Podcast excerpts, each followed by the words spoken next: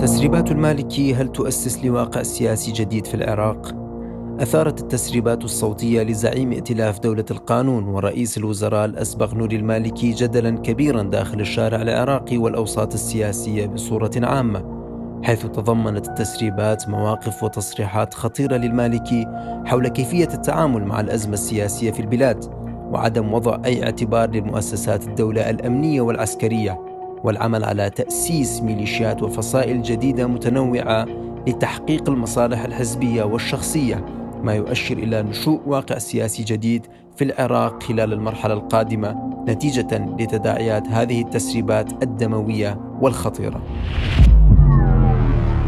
مرحبا بكم في حلقة جديدة من بودكاست في عشرين دقيقة معكم شاهو القرداغي نتحدث فيها عن محتوى التسريبات التي انتشرت لرئيس ائتلاف دولة القانون نور المالكي وتداعياته على المشهد السياسي العراقي في ظل الأزمات التي تعصف بالبلاد وتأخر تشكيل الحكومة على الرغم من مرور أكثر من تسعة أشهر على إجراء الانتخابات النيابية المبكرة. نشر الصحفي والناشط العراقي علي فاضل تسريبا صوتيا لرئيس ائتلاف دولة القانون نور المالكي. يتحدث فيها عن مجموعة من القضايا منها علاقته بالتيار الصدري وزعيمه مقتدى الصدر ويتهمه بالوقوف وراء عمليات القتل والنهب. كما يتهم رئيس الحزب الديمقراطي الكردستاني مسعود البارزاني بأنه يعمل على ضرب الشيعة عن طريق احتضان وإيواء القيادات السنية. ويقول نور المالكي أنه أراد جعل الحشد الشعبي مشابها للحرس الثوري الإيراني. وجاءت التسريبات على مراحل وأجزاء عديدة حيث أكد الصحفي علي فاضل أن التسريب عبارة عن جلسة مطولة للمالكي وأنه سينشر التسريب على أجزاء. وفي الجزء الرابع من التسريب يقول المالكي أن المرحلة المقبلة هي مرحلة قتال وأن الصدر يريد الدم. ويؤكد بأنه أخبر رئيس الوزراء مصطفى الكاظمي أنه لا يثق بالجيش والشرطة وكل واحد سيدافع عن نفسه وأنا سأدافع عن نفسي وأنا أعمل لها ولدينا دبابات ومدرعات ومسيرات. وهناك إحساس من قبل الناس لهذا الأمر ولذلك عشيرة قبيلة المالكي بني مالك ستعلن في مؤتمر صحفي بالبصرة وبغداد أنه في حال التحرش بالمالكي فإنهم سيتدخلون. لذلك أتمنى على أمة الأخيار أن تكون مستعدة فالمسألة ليست إعلاما وإنما استعداد نفسي وعملي بالسلاح وتوفير الغطاء. ويضيف المالكي أن العراق مقبل على حرب طاحنة لا يخرج منها أحد إلا في حال إسقاط مشروع مقتدى الصدر والبارزاني والحلبوسي. فإذا أسقطنا مشروعهم نجا العراق. وفي حال عدم استطاعتنا ذلك فإن العراق سيدخل في الدائرة الحمراء. كما أكد المالكي في التسريب الخامس أن العلاقات بينه وبين قائد ميليشيا عصايب أهل الحق قيس الخزعلي جيدة وأن الفتح والفصائل وكتائب حزب الله وسيد الشهداء كلها تابعة مباشرة لإيران وأن قيادات تحالف الفتح وميليشيا بدر مشغولون بالمزارع وفي عالمهم الخاص. ودعا المالكي قيادات الفصائل المسلحة إلى اتباع خط الحرس الثوري الإيراني. والابتعاد عن خط الاطلاعات وتوكيل أمرهم بيد قائد فيلق القدس الإيراني إسماعيل قآني. وقد نفى نوري المالكي صدور هذا الكلام عنه وقال في تغريدة له على موقع تويتر أنه ما نشر في مواقع التواصل الاجتماعي من كلام بذيء منسوب لي وفيه إساءة للسيد مقتدى الصدر غير صحيح مضيفا أنه يعلن النفي والتكذيب ويبقي نفسه متمسكا برغبة العلاقات الطيبة مع الأخوة الصدريين وباقي الشركاء في العملية السياسية. وحذر المالكي من عمليات التزوير والتزييف واستخدام الأجهزة التقنية الحديثة في نسب التصريحات له ولغيره. إلا أن النفي الصادر من قبل المالكي لم يقنع زعيم التيار الصدري مقتدى الصدر الذي اتهم في تغريدة له المالكي بالتفكير والتخطيط لقتله. ونصح الصدر المالكي بإعلان الاعتكاف واعتزال العمل السياسي واللجوء إلى الاستغفار أو تسليم نفسه ومن يلوذ به من الفاسدين إلى الجهات القضائية لعلها تكون بمثابة توبة له أمام الله وأمام الشعب العراقي. كما أكد الصدر أنه لا يحق للمالكي بعد هذه الأفكار الهدامة أن يقود العراق بأي صورة من الصور بل ذلك خراب ودمار للعراق وأهله. وقد رد حزب الدعوة الإسلامية في العراق بزعامة زعيم ائتلاف دولة القانون ورئيس الوزراء الأسبق نور المالكي على زعيم التيار الصدري مقتدى الصدر الذي استنكر التسريبات الصوتية المنسوبة للمالكي وطالبه باعتزال السياسة. ووصف الحزب في بيان التسريبات المنسوبة للمالكي بالاستراق الإلكتروني وأكد أنه لن ينجر إلى فتنة عمياء. وذكر البيان أنه مع إرهاصات تشكيل الحكومة نرى أن هناك من يذكي نار الفتنة بيننا نحن أبناء الصدريين. في إشارة إلى المرجعين الشيعيين الراحلين محمد باقر الصدر ومحمد صادق الصدر. متهما أجهزة سرية في الداخل والخارج بالوقوف وراء عملية التسريب التي قال إن هدفها تحويل العراق إلى بؤرة للصراع. وأشار حزب الدعوة في بيانه إلى أنه لم يدخل بعد الغزو الأمريكي للعراق عام 2003 بأي صراع حزبي مع أي طرف وأنه لن ينجر إلى فتنة عمياء بين أبناء الوطن الواحد. ودعا أيضا أبناء الشعب العراقي وقواه السياسية للحذر من الوقوع في صراع لا يخدم إلا أعداء الإسلام والوطن.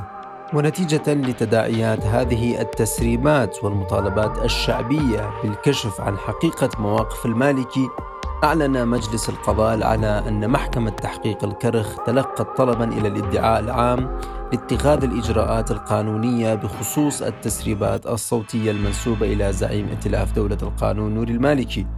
وأضاف مجلس القضاء أن محكمة تحقيق الكرخ تجري حاليا التحقيق الأصولي بخصوصها وفق القانون. وكان هناك تباين واضح لآراء العراقيين ومواقفهم حول هذه الخطوة من مجلس القضاء الأعلى.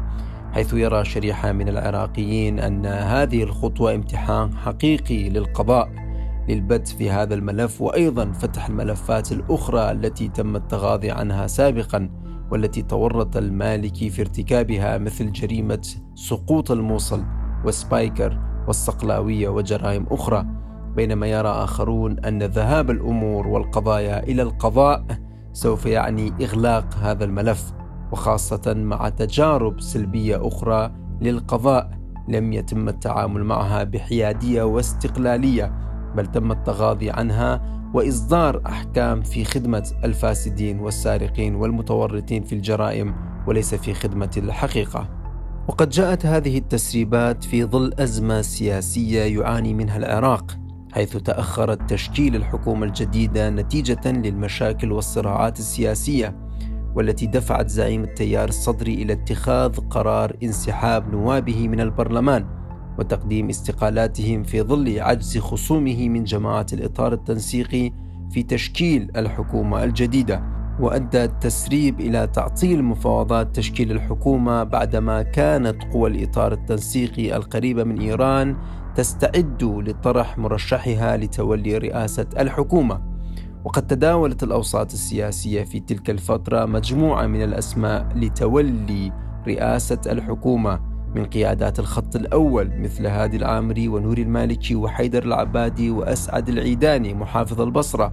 وكان المالكي يتصدر تلك الأسماء وخاصة أن الماكينة الإعلامية للمالكي كانت تحاول التسويق له وتقديمه على أنه المنقذ للعراق خلال المرحلة القادمة وأنه الأقدر على إدارة الدولة.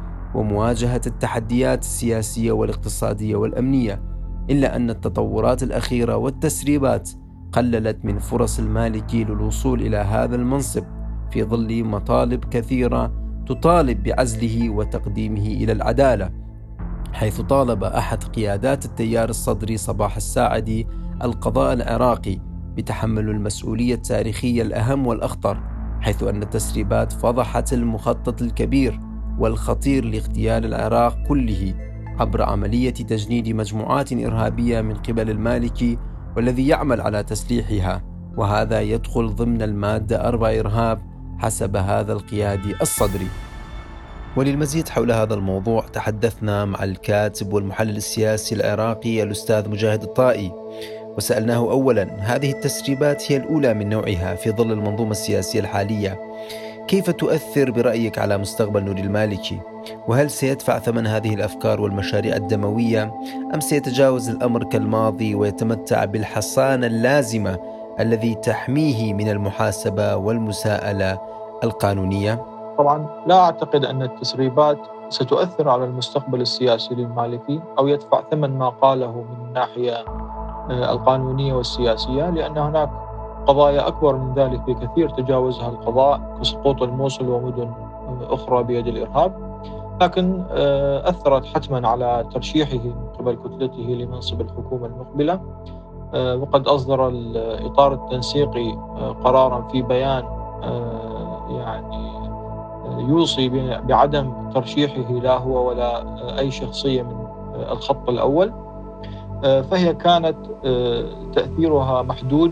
أعادت المالكي خطوة للوراء لكن بقي يتزعم قوى الإطار بكتلته التي تعتبر النواة والعمود الفقري للإطار التنسيقي والقوة لم تبدي أي موقف مما قاله أو منه شخصيا وأدانت الذي آه، سرب آه، آه، يعني ما قاله.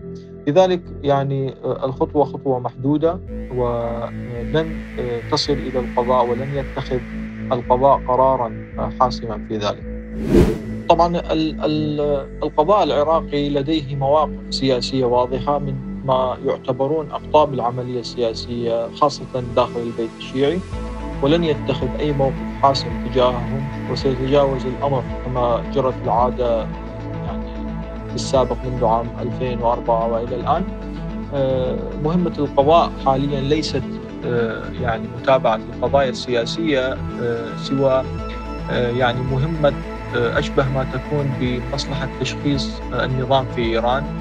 فتعيد الكفة إلى ما كانت عليه حالة التوازن تبقي حالة النظام بحالة من التوازن والاستقرار النسبي المعروف. وأي طرف يقوم بمحاولة كسر آه، المعادلة التوازن هذه س يعني تعيد الكثير من الأدوات حالة الاستقرار والقضاء هنا يعتبر أداة من الأدوات التي ستعيد الوضع إلى حالة الاستقرار. رأينا أن التسريبات أثارت الشارع العراقي وأصبحت تنبذ المالكي والأطراف الموالية له بصورة أكبر برأيك هل سيؤدي ذلك إلى حدوث تغيير فعلي يساهم في إضعاف الأطراف التي تمتلك السلاح المنفلت وتوالي إيران؟ طبعا لا أعتقد أن التسريبات ستساهم في إضعاف القوى والأطراف داخل الإطار على العكس من ذلك يعني رأينا أن آه، قوى الإطار شعرت بالخطر من استهداف آه، شخصية مثل نور المالكي الذي يعتبر النواة والعمود الفقري داخل الإطار على العكس قامت قوى الإطار بالتكاتف مرة أخرى وتجاوزت الخلافات فيما بينها لأنها آه، تعتبر تعتبر غياب المالكي أو آه، يعني إقصاؤه أو استهدافه في العملية السياسية سيضعفها جميعا وبالتالي سيؤدي إلى تقوية آه، التيار الصدري الذي يعتبرونها خصم آه، ومنافس آه، لا يحبذوه بقيادة البيت الشيعي. لذلك هي كان يعني مردودها عكسي وأيضا نسبي. يعني هي حالة مرحلية شعر الإطار فيها بأنه مستهدف وأعاد تشكيل صفوفه وتجاوز هذه التسريبات وما قاله. وأخيرا وعلى الرغم من أن هذه التسريبات والتسجيلات قد كشفت عن مخطط الفوضى وحذرت الجميع من مخاطر أفكار المالكي ونواياه تجاه العراق إلا أن هناك اتهامات بأن من ينشر هذه التسجيلات يريد أن يدخل العراق في حرب أهلية وصراع شيعي شيعي وعدم التركيز على محتوى التسريب بقدر التركيز على من يقوم بنشره. كيف ترى هذه الاتهامات؟ وهل هي منطقية فعلا؟ طبعا التسريبات لم تأتي بجديد فيما يتعلق بخطاب آه، يعني المالكي الذي يعرفه العراقيون جيدا وهناك اتهامات وهناك تحريض وهناك حديث عن مؤامرة آه، يتحدث بها آه، المالكي منذ سنوات فهو ليس جديدا لا على القوى التي يحاورها ولا على يعني الشعب العراقي. لذلك من ناحية أنها ستؤدي إلى اقتتال شيعي شيعي يعني في بداية الأمر قام السيد الصدر بالتغريد والقول بأنها لن لن يعني لا تقيم لا نقيم له وزنا. لكن بعد أيام من استمرار التسريبات يعني حث أتباعه للتظاهر ثم دعاه للاعتزال عن الحياة السياسية أو تسليم نفسه للقضاء.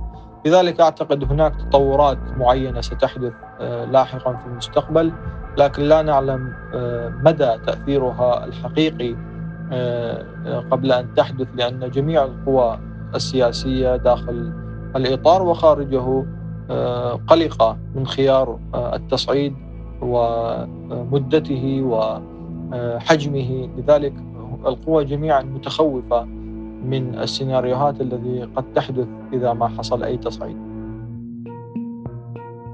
يأمل الكثير من العراقيين أن يؤدي هذه التسريبات إلى حدوث تغييرات حقيقية في المشهد السياسي العراقي وخاصة فيما يتعلق بإضعاف الأشخاص والتيارات التي تحمل افكار متطرفة وتوالي الخارج وتعمل على تقوية وتعزيز الميليشيات على حساب القوات الأمنية الرسمية حيث أن هذه الأفكار والمشاريع المتطرفة للمالكي من المفترض أن يؤدي به إلى السجن والمحاسبة أو الاعتزال والابتعاد عن الحياة السياسية بصورة نهائية.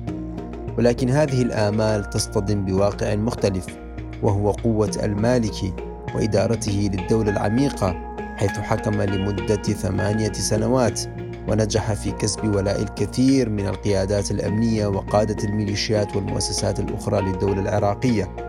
وما زال يحتفظ بالكثير من النفوذ الذي قد يشكل له حصنا يمنع الآخرين من التفكير في محاسبته نتيجة لهذا النفوذ الذي يمتلكه داخل الدولة العراقية. ولكن يبدو في نفس الوقت أن التسريبات تمثل فرصة مهمة ونادرة للصدر لإضعاف وإنهاء نور المالكي والعودة إلى الساحة السياسية بصورة أقوى دون وجود منافسة بعد استقالة نوابه من البرلمان. حيث ليس من المتوقع أن يتخلى الصدر ولا منافسو المالكي عن هذه الفرصة المهمة لضربه وإضعافه وإنهاء حظوظه في تولي رئاسة الحكومة أو تشكيل جبهة سياسية لإدارة المرحلة القادمة. ويبدو واضحا للصدر وخصوم المالكي أن هذه الفرصة ليس فقط فرصة لضرب المالكي بل لتفتيت وإضعاف الإطار التنسيقي والذي يجمع الفصائل والأطراف السياسية القريبة من إيران. حيث تحدث المالكي عن الكثير من الأطراف الشيعية الأخرى أيضا ولم يخفي عن عدم وثوقه بمقاتلي الحشد الشعبي وسماهم أمة الجبناء وهذا يعني أن التسريبات سيخلق المزيد من الانشقاقات داخل الإطار التنسيقي ويضعف موقفهم بعدما كانوا يعانون من مشاكل والصراعات على المناصب خلال المرحلة القادمة.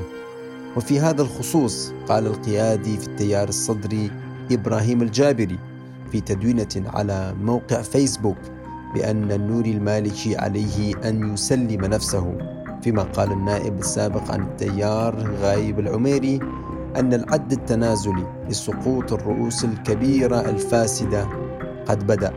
وعلى الرغم من ذلك فإن هناك من يرى بأن المالكي ما زال لديه حظوظ كبيرة للبقاء داخل المشهد السياسي وخاصة أن سقوطه سيعني سقوط الكثيرين. وهو يمتلك الكثير من الملفات التي تدين السياسيين والأطراف السياسية الذين عملوا معه خلال الفترات السابقة حيث يقول الكاتب العراقي الدكتور فراس إلياس أن المالكي ورغم وضعه السياسي الحرج إلا أنه لا يزال يملك نفوذا كبيرا داخل الحشد الشعبي. هذا إلى جانب أن إيران لا يمكن أن تتنازل عنه بسهولة. خشية أن يعكس تنازلها صورة سيئة عنها لدى حلفائها في الداخل العراقي وهي على ما يبدو تحاول أن تؤمن له مخرجا سياسيا يحافظ على ما تبقى لها من تأثير داخل البيت الشيعي. ويضيف الكاتب أن الظرف السياسي الحالي الذي يمر به العراق يضع المالكي في موقف سياسي محرج إذ لا يتعلق الأمر باعتزاله أو اعتكافه العمل السياسي. بقدر ما يتعلق الأمر بمستقبل الدولة العميقة التي شكلها منذ عام 2006 وعلاقته مع قادة الفصائل المسلحة ودوره المحوري في ترسيخ النفوذ الإيراني في البلاد. إلى هنا وانتهينا من حلقة هذا الأسبوع من بودكاست في عشرين دقيقة تحدثنا فيها عن التسريبات الصوتية لزعيم ائتلاف دولة القانون ورئيس الوزراء العراقي الأسبق نوري المالكي. والذي تحدث فيها عن الفوضى وإمكانية خلق وتأسيس وإدارة ميليشيات جديدة وفصائل مسلحة لإدارة المرحلة القادمة ولضرب خصومه بغض النظر عن التداعيات السلبية لذلك على المشهد العراقي. شكرا لكم لحسن الاستماع وإلى اللقاء في الحلقات القادمة.